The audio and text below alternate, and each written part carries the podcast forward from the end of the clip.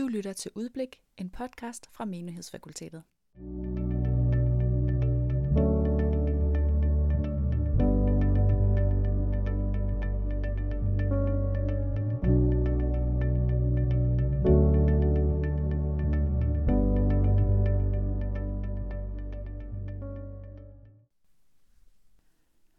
Udblik er en personlig samtale med et menneske, der har indblik i teologiens verden, og som har gjort sig tanker om tro og eksistens.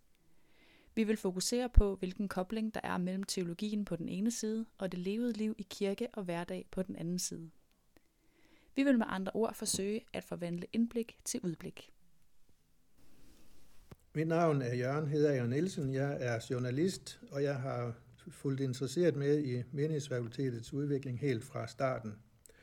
Jeg har lavet en aftale med tre pensionerede lærere herfra, som øh, Øh, vil fortælle om deres oplevelser, og i, ja, der er det Peter V. Legard. Tak fordi du vil være med. Peter er født i 1949, student fra Randers Statsskole i 1968, kant til Ål øh, fra Aarhus Universitet i 1975 og blev samme år lærer på Meningsfakultetet han blev lektor i 1990, docent i 1994, professor i 2001, og til sidst var han kvoteansat seniorprofessor fra 2015, og han blev doktor til Ål i 1992. Ja. Og så blev han pensioneret ved udgangen af 2016. Peter har skrevet 12 bøger, og udover bøgerne er det blevet til bidrag til antologier og en lang række artikler – på Meningsfakultetets hjemmeside fylder oversigten over hans skriftlige produktion tre sider.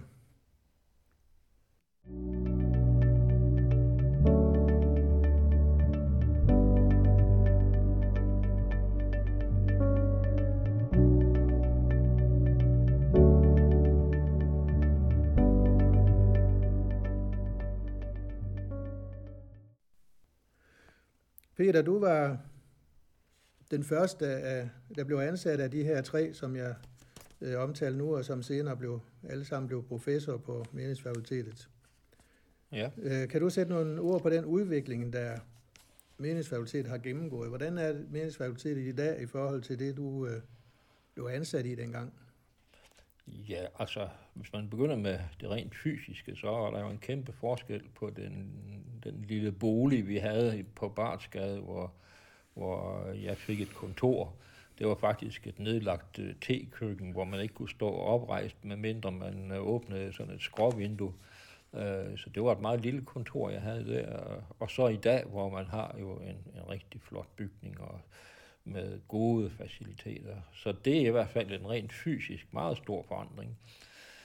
Så er der jo øh, også den forandring, at dengang, der var der noget at kæmpe for at bygge op, øh, når man kom som studerende. Øh, og I dag kommer de studerende jo til noget, der er bygget op.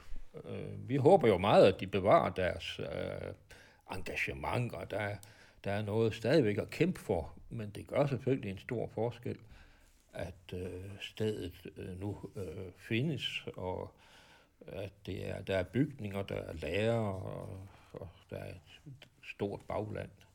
Så det er jo en stor forskel. Ja. Det er mere en etableret uddannelse nu. Ja, og vi vidste jo overhovedet ikke dengang, øh, hvilken retning det ville tage. Altså, vi øh, havde jo ikke den store opbakning. Der var ingen penge. Så der var ganske få, øh, som øh, støttede med Mindesfakultetet, og øh, der var i starten ikke engang det der hus på Barsgade, så det var jo meget, meget skrøbeligt, øh, at det er gået, som det er gået, er simpelthen utrolig, altså det er simpelthen utroligt i ordets egentlige forstand. Altså det er kun fordi vores himmelske far, han har været god ved os, og tilgivet os en masse forskellige fejltrin. Mm. Nu sidder vi på en akademisk institution, og halvdelen af dit arbejde har jo været at, at forske på akademisk niveau, og den anden halvdel har været at, at undervise. Har du ikke set med en fornemmelse ind imellem om, at øh, alt det, der kunne findes ud af om Bibelen, det, var, det havde man fundet ud af? Altså det at læse teologi, og det at, at læse sin Bibel, det er jo at gå på eventyr. Øh, men, og det mærkelige er, nu har jeg undervist for eksempel i Johannes Evangeliet eller Romerbrevet mange gange, og det er meget, meget mærkeligt, at man hver gang får nogle aha-oplevelser, ser nogle sammenhænge, som man ikke har haft øje for før, eller ser et eller andet, som er vigtigt for Paulus, som øh, man ikke så før. Så øh, det, det er noget underligt noget med, med teologi og med bibellæsning, at det... Øh, ja, altså, at hvis man går til det med et åbent sind, øh, så, øh, så er der hele tiden noget nyt med at, at opdage. Nogle af de ting, du har arbejdet med, har vel formodentlig været vanskelige, øh, næsten umuligt at komme til bunds i. Hvad, kan du ja. nævne et eksempel på noget af det, der sådan virkelig har været en hård nød at få knækket?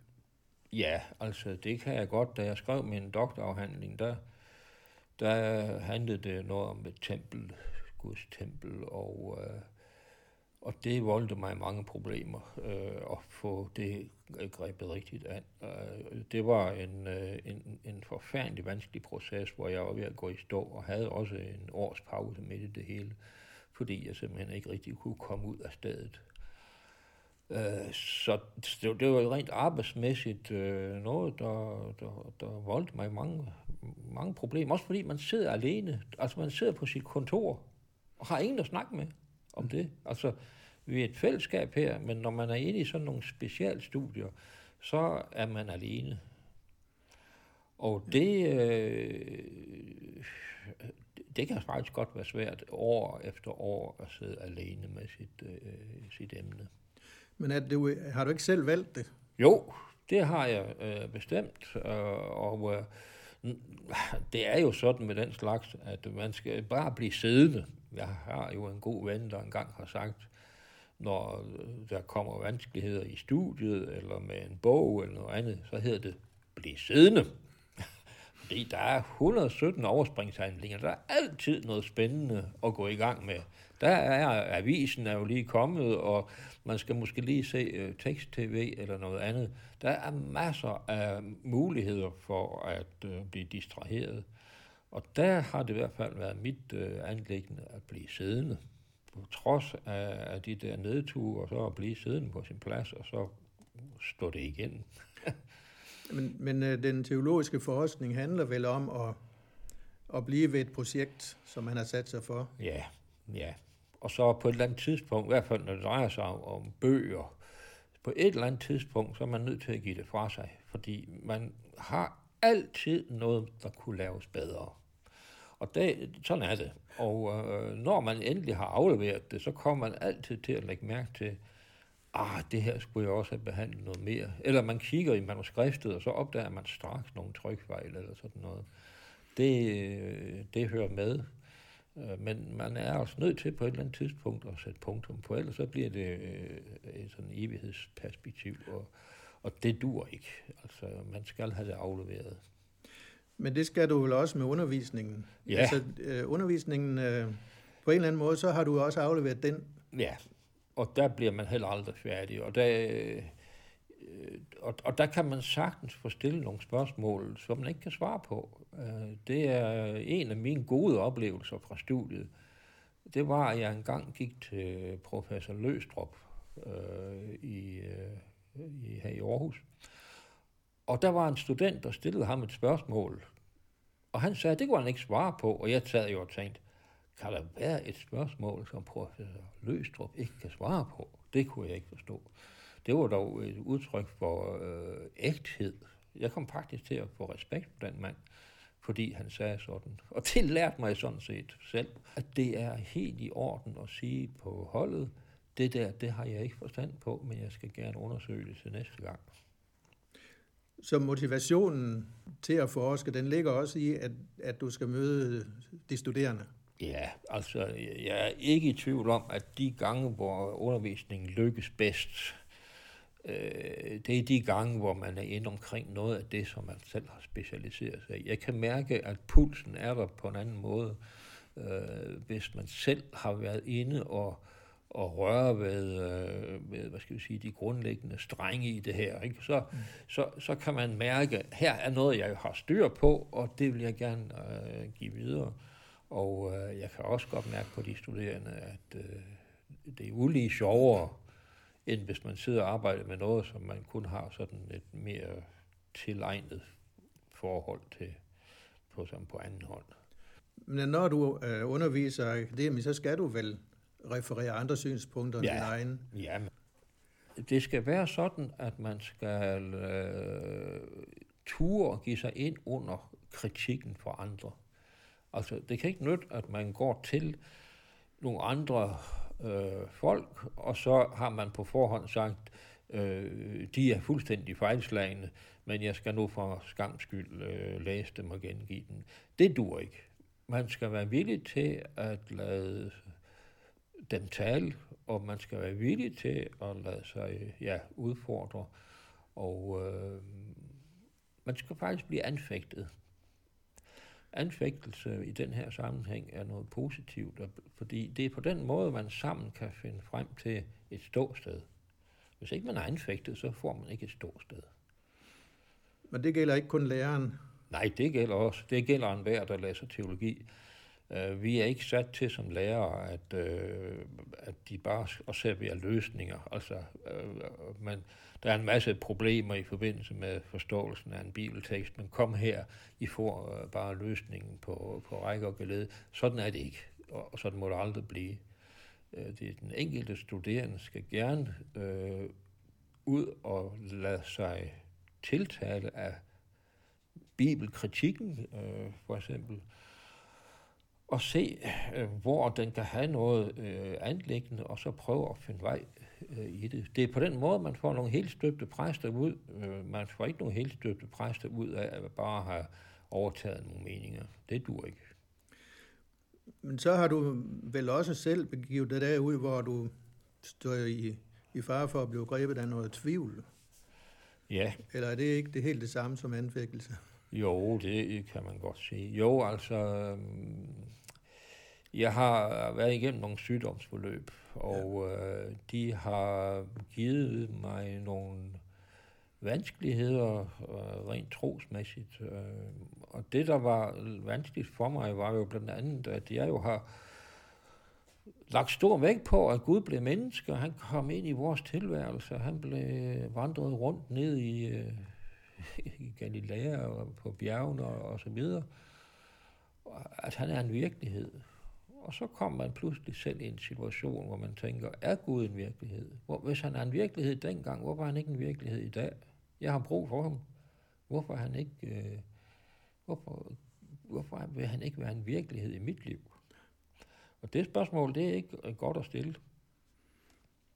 Det er det måske godt at stille, ja. når man har når man har det sådan, det, det er det jo.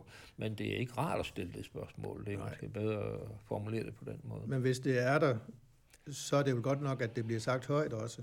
Ja, jamen, Men du har, du har jo skrevet en bog om det også. ja, ja, det har jeg, og øh, det er jo sådan set lidt pussy, at den bog, jeg har fået mest respons på, det er, den- det er slet ikke en bog øh, om det, som jeg for sig er mit fagområde.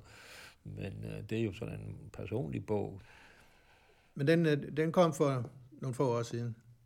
Ja, den kom for, det var, ja, det er fem år siden. Øh, Kurt Christensen, han, øh, han praler jo med, at han har haft tre sygedage i, i sin tid som lærer på meningsfakultetet, men det kan du ikke helt klare dig med. Det, det kan jeg bestemt ikke. Det er nok, det er nok nær tre semester. Det har vel ikke gjort dig til en dårlig teolog. Nej, det er... Jamen, teologi må jo gerne være lidt Ja. øh, erfaring også. Ja.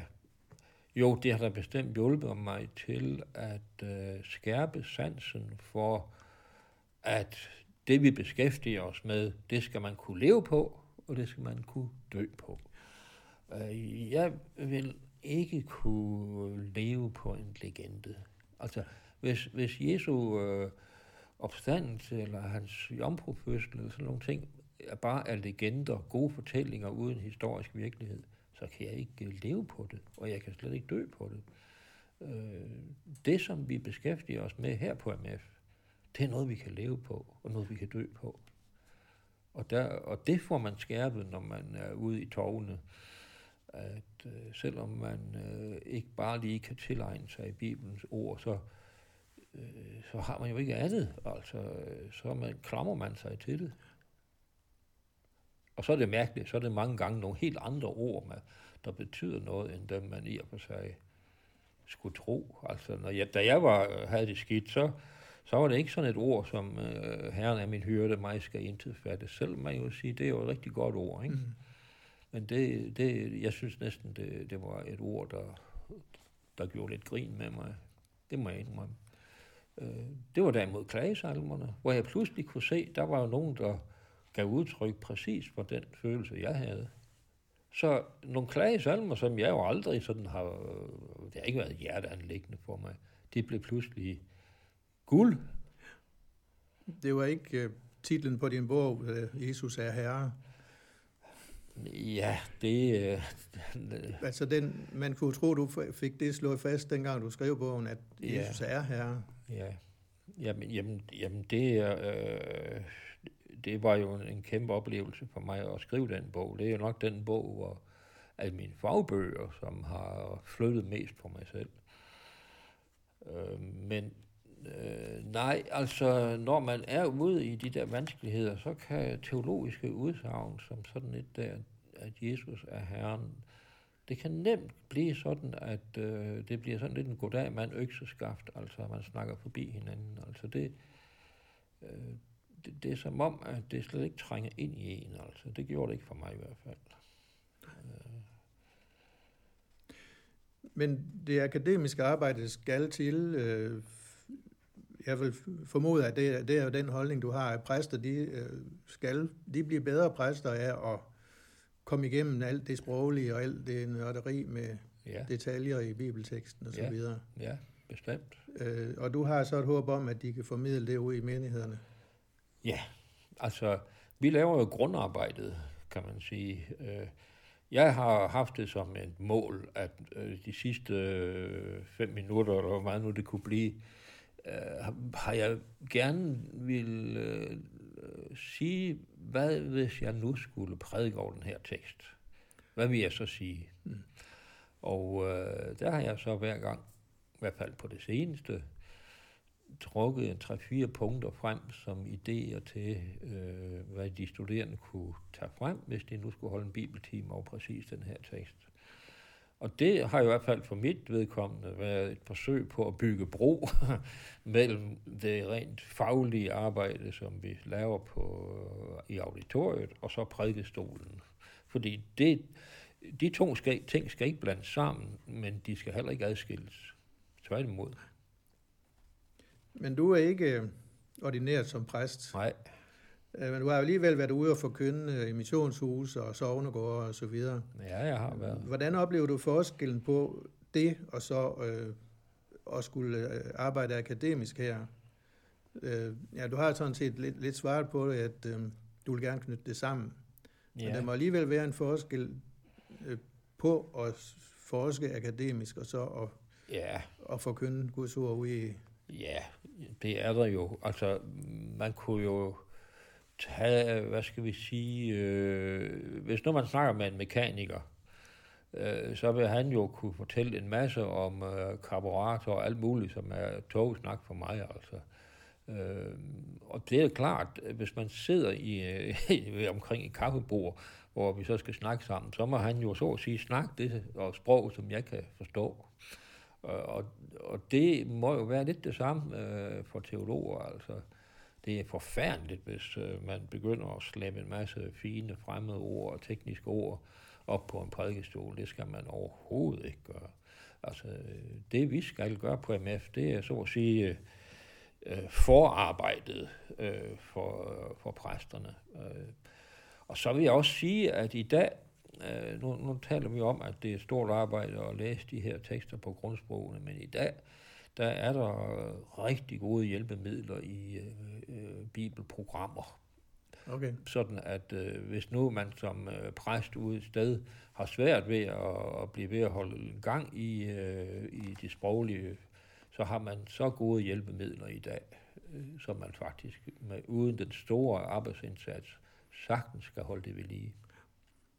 Så din møde, dit møde med lægefolket ude i missionshus og, og så Ånegård, det har også været en motiverende faktor til dit forskningsarbejde? Jamen, det er jo vores bagland. Altså, det er jo dem, der... Altså, når man kommer ud i et missionshus, for eksempel, så er det jo dem, der har bærer MF. Og jeg har gjort mig det til en vane, uanset hvor jeg kommer. Så, så indleder jeg med at bringe en varm hilsen fra Mindesfakultetet og sige tak for den forbøn, vi har blevet genstand for, og for de økonomiske ofre, vi har fået. Øh, det kan godt ske. Jeg vil aner jo ikke noget som helst om, hvorvidt man har støttet MF-dag, eller hvor mange har gjort det, men, men det er den bevidsthed, vi har her på MF, at hvis ikke der var de mennesker rundt omkring, som bad for MF, og som offrede af deres økonomi til MF, så eksisterede det her sted ikke. Så vi er dybt afhængige og i dyb taknemmelighedsgæld til, til de mennesker.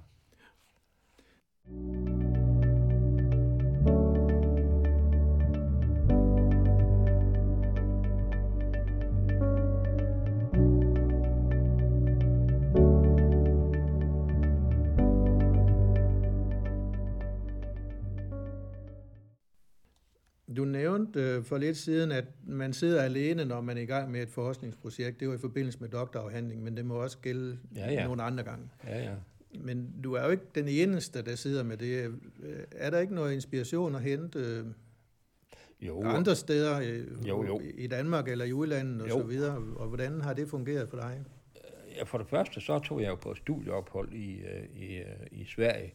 Der var en, en Skandinaviens dygtigste mand inden for Nytestamentet. Han sad som professor derovre, og jeg skrev til ham og spurgte, om jeg kunne blive øh, en disciple af ham, og, og han sagde, at jeg var velkommen. Og det var en kæmpe oplevelse. Det berigede mig rigtig meget at komme ind i et nyt miljø og, og lære ham og en masse andre mennesker at kende derovre. Men så i det hele taget, så har jeg jo forsøgte at hente inspiration hos øh, øh MF-lignende øh, institutioner rundt omkring i øh, Europa og øh, været også på nogle konferencer i, øh, i USA. Så øh, det er selvfølgelig meget inspirerende at se, at MF jo ikke øh, står fuldstændig alene, men at der er altså folk i, overalt i Europa, i alle de europæiske lande, tror jeg, der er der øh, menighedsfakulteter, for nu at bruge det udtryk. Det hedder selvfølgelig noget andet, men, men der er altså øh, private, frie institutioner rundt omkring. Og det er meget lærerigt at lære hinanden at kende. Men det går vel også den anden vej. Må ikke du har kunnet bidrage et eller andet? Jo, det, det kan man jo da i hvert fald håbe. Det. ja. Det må være noget af formålet med at opnå en faglig kompetence, at man også kan ja. dele ja. det med ja. kollegaer. Men det er jo, i dag, der er det jo, øh, altså de unge øh, lærere her på MF, de er jo meget mere internationalt orienteret, end vi andre var. Altså, de skriver jo på engelsk. Øh, de øh, får deres ting ud øh, på internationale øh, forlag og i internationale tidsskrifter i en helt anden målstok, end vi andre gjorde. Så hvad det angår, er jeg jo meget, meget fortrøstningsfuld. Øh, de, de er nogle dygtige folk, der er på vej, mm. eller er i gang selvfølgelig. En af de ting, jeg har lagt mærke til ved præster, det er, at de jævnligt øh, fortæller nogle træk fra konfirmandstuen. Så man, du må også have haft nogle oplevelser med de studerende, som øh, gav dig et lille skub i en retning, eller bare en sjov oplevelse. Ja, øh, altså, jeg, har, jeg, jeg vil i hvert fald lige øh, noget, der ikke var sjovt, for nu at tage det fra den ende. Det er de gange, hvor der har været store vanskeligheder. Vi har jo oplevet to tragiske dødsfald blandt de studerende. Øh, tilbage i 1978 øh, var der en ung mand, der blev dræbt i en trafikulykke sammen med sit barn, og nu her for et halvt år siden skete det igen. Og i begge de tilfælde der øh, oplevede vi jo, at, øh, at det havde en enorm betydning for øh, det kristne fællesskab her på stedet. og jeg selv var involveret i det, fordi jeg øh, havde øh, Katrine øh, på mit hold, hende der døde her for et halvt år siden.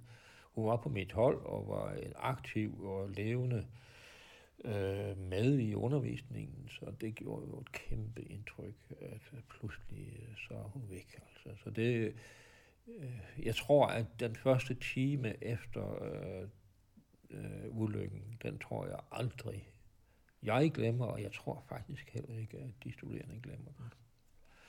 Det, gjorde, det, var, øh, det flyttede meget, fordi det kom, vi rejste jo nogle spørgsmål om,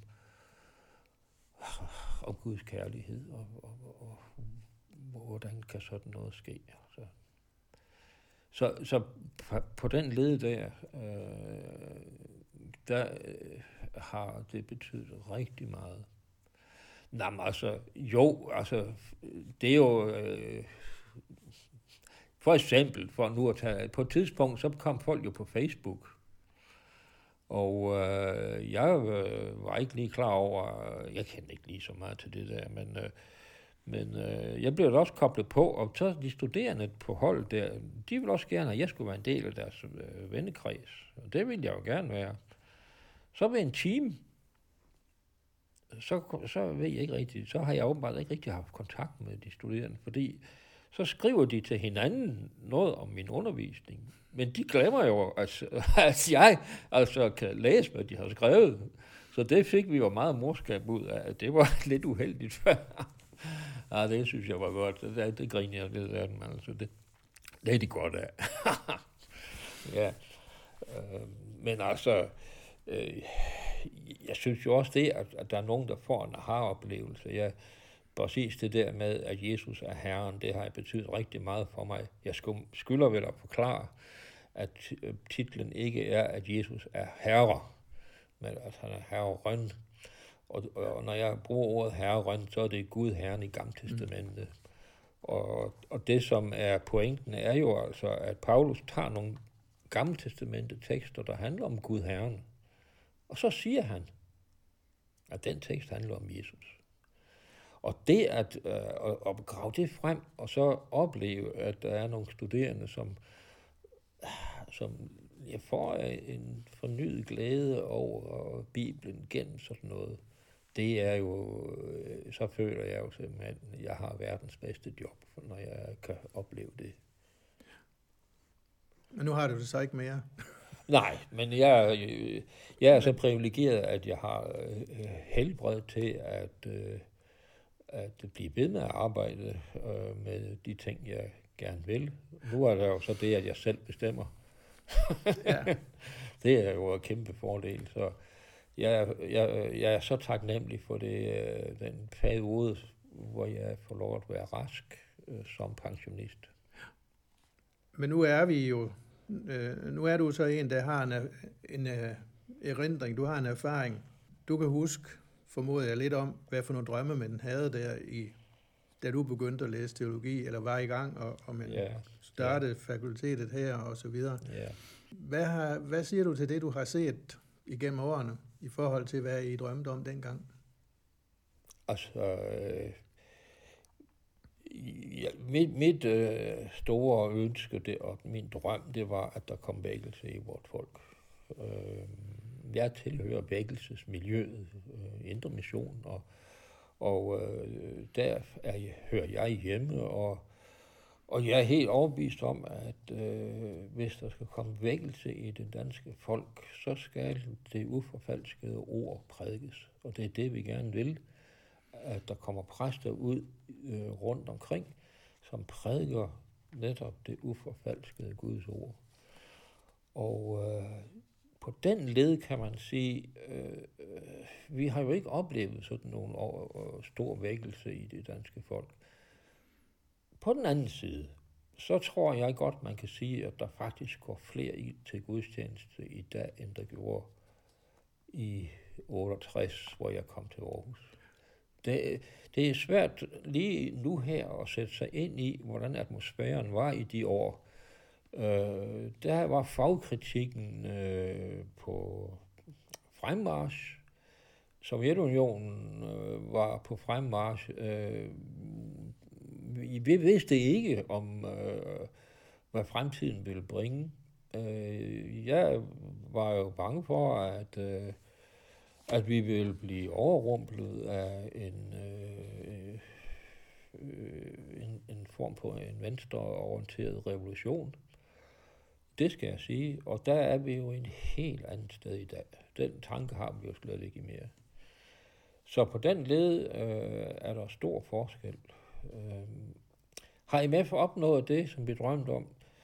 Øh, ikke når det drejer sig om lige det der med vækkelsen, men på den anden side, så er der jo i dag et, en bud efter præsterne, som vi jo slet ikke havde forestillet os. Altså, det, at der, jeg, kan, jeg har ikke talt på, hvor mange der har kommet på MF, som nu er præster i folkekirken, eller valgte, eller frimenigheder, men det er i hvert fald rigtig mange.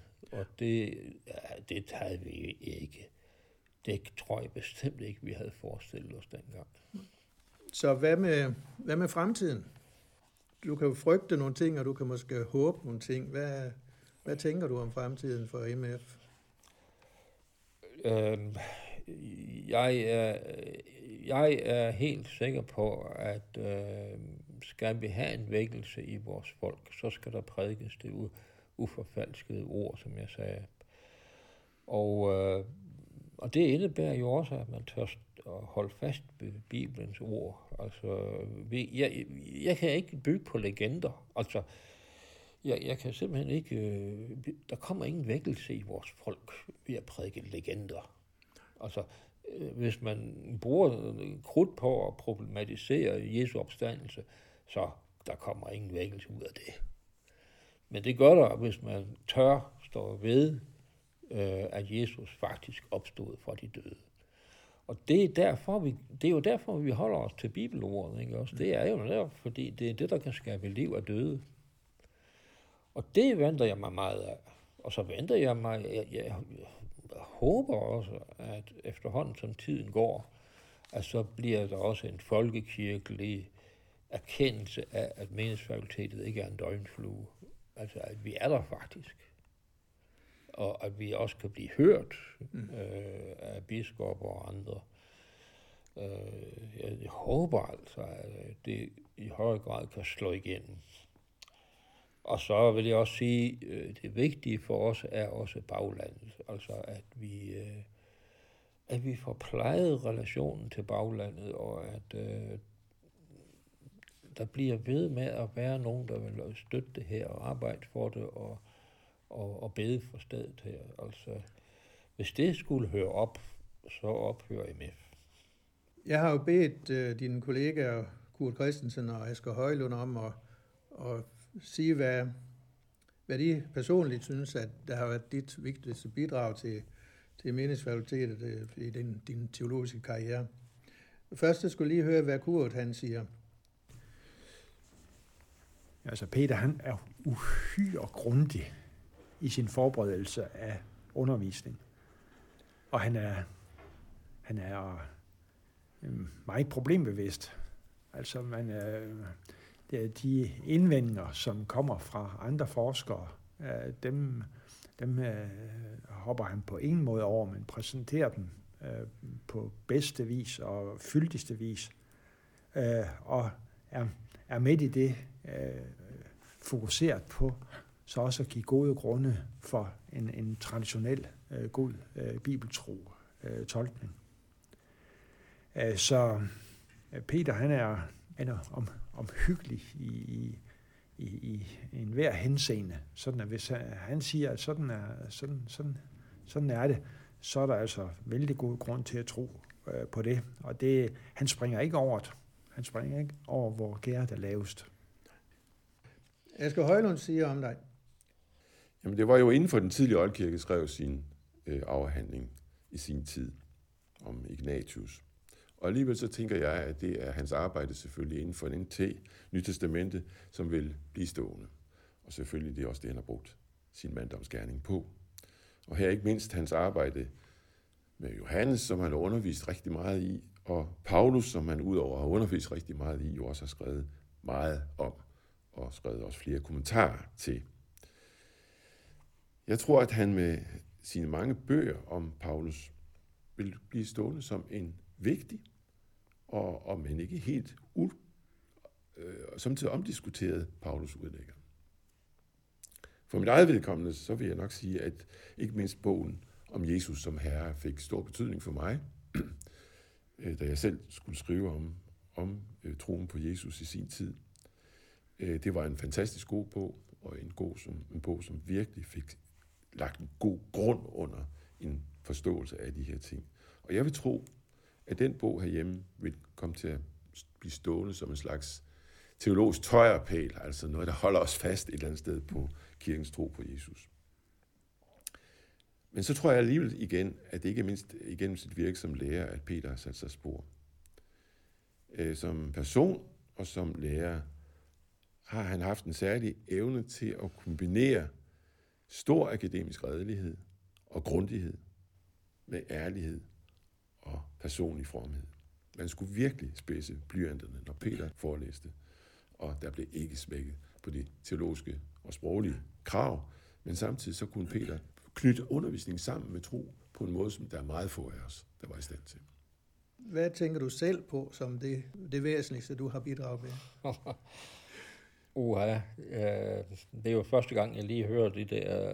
Øh, altså, øh, jeg er jo vældig glad for, øh, at øh, de nævner det at være problembevidst, fordi det har jo sådan set altid været mit anlæggende, at, øh, at lade problemerne komme ind over sig, øh, og så finde vej. Men det har også, jeg kan da godt, jeg ved ikke, om jeg skal gå i detaljer med det, men jeg, jeg kan i hvert fald godt sige, at på et tidspunkt, der var der noget med evangelieforskning, hvor der var nogle metoder, som jeg var optaget af, men det førte jo helt forkert. Og jeg var vældig svært ved at finde ud af det. Og der var det så, at min kontakt til Sverige, den hjalp mig altså. Så, øh, altså når du siger evangelieforskning, det er forhold ja, og tilblivelsen af ja, evangeliet. det var jo den såkaldte formhistoriske metode, som jeg var meget optaget af. Altså, jeg synes, den passede så godt at kunne forklare, øh, hvorfor øh, nogle af øh, beretningerne havde den form, de havde, og fordi det passede så meget godt til den diskussion, der var i den ældste kirke. Og jeg, det var anfægtet af, om det her nu er ægte Jesus ord. Øh, det, det, det, det, det, det, det var virkelig vanskeligt for mig egentlig at tro på, at Jesus havde sagt det, der stod i Bibelen. Og så, ja, og det fik jeg heldigvis øh, øh, en løsning på, men øh, det var da en svær kamp for mig. Men det kunne så lige føre til det, øh, et sidste spørgsmål måske. Øh, mange MF-venner er jo vældig opmærksom på, om, om MF øh, står i fare for at glide ud. Mm. Forlade grundlaget. Ja. Øh, hvad tænker du om det? Jeg synes, det må være en, en, en uh, risiko, som man altid skal være opmærksom på. Uh, det, det må man hele tiden have for øje. Det måtte man i den allerførste tid, og det skal man også i fremtiden jeg ser ikke nogen større fare i dag end, end for 40 år siden, eller hvad nu man skulle sige. Øh, det gør jeg bestemt ikke. Jeg synes, der er så meget positivt. Øh, vi har en velfungerende lærerstab, vi har dygtige lærere, vi har øh, folk, der vil kæmpe for øh, MF. Øh, der er så meget øh, positivt, så jeg, jeg har altså svært ved at være pessimist omkring MF. Det har jeg. Jeg kan ikke jeg kan ikke rigtig se, hvad det er, øh, der skal gøre, at MS skulle glide ud. Øh, altså, hvis hjertesagen, hvis bibelsynet, det er det, det fuldtonende bibelord, der skal få lov at, at være foretegnet på det, der foregår.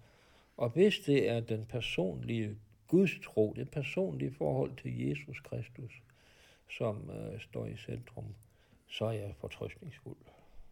thank you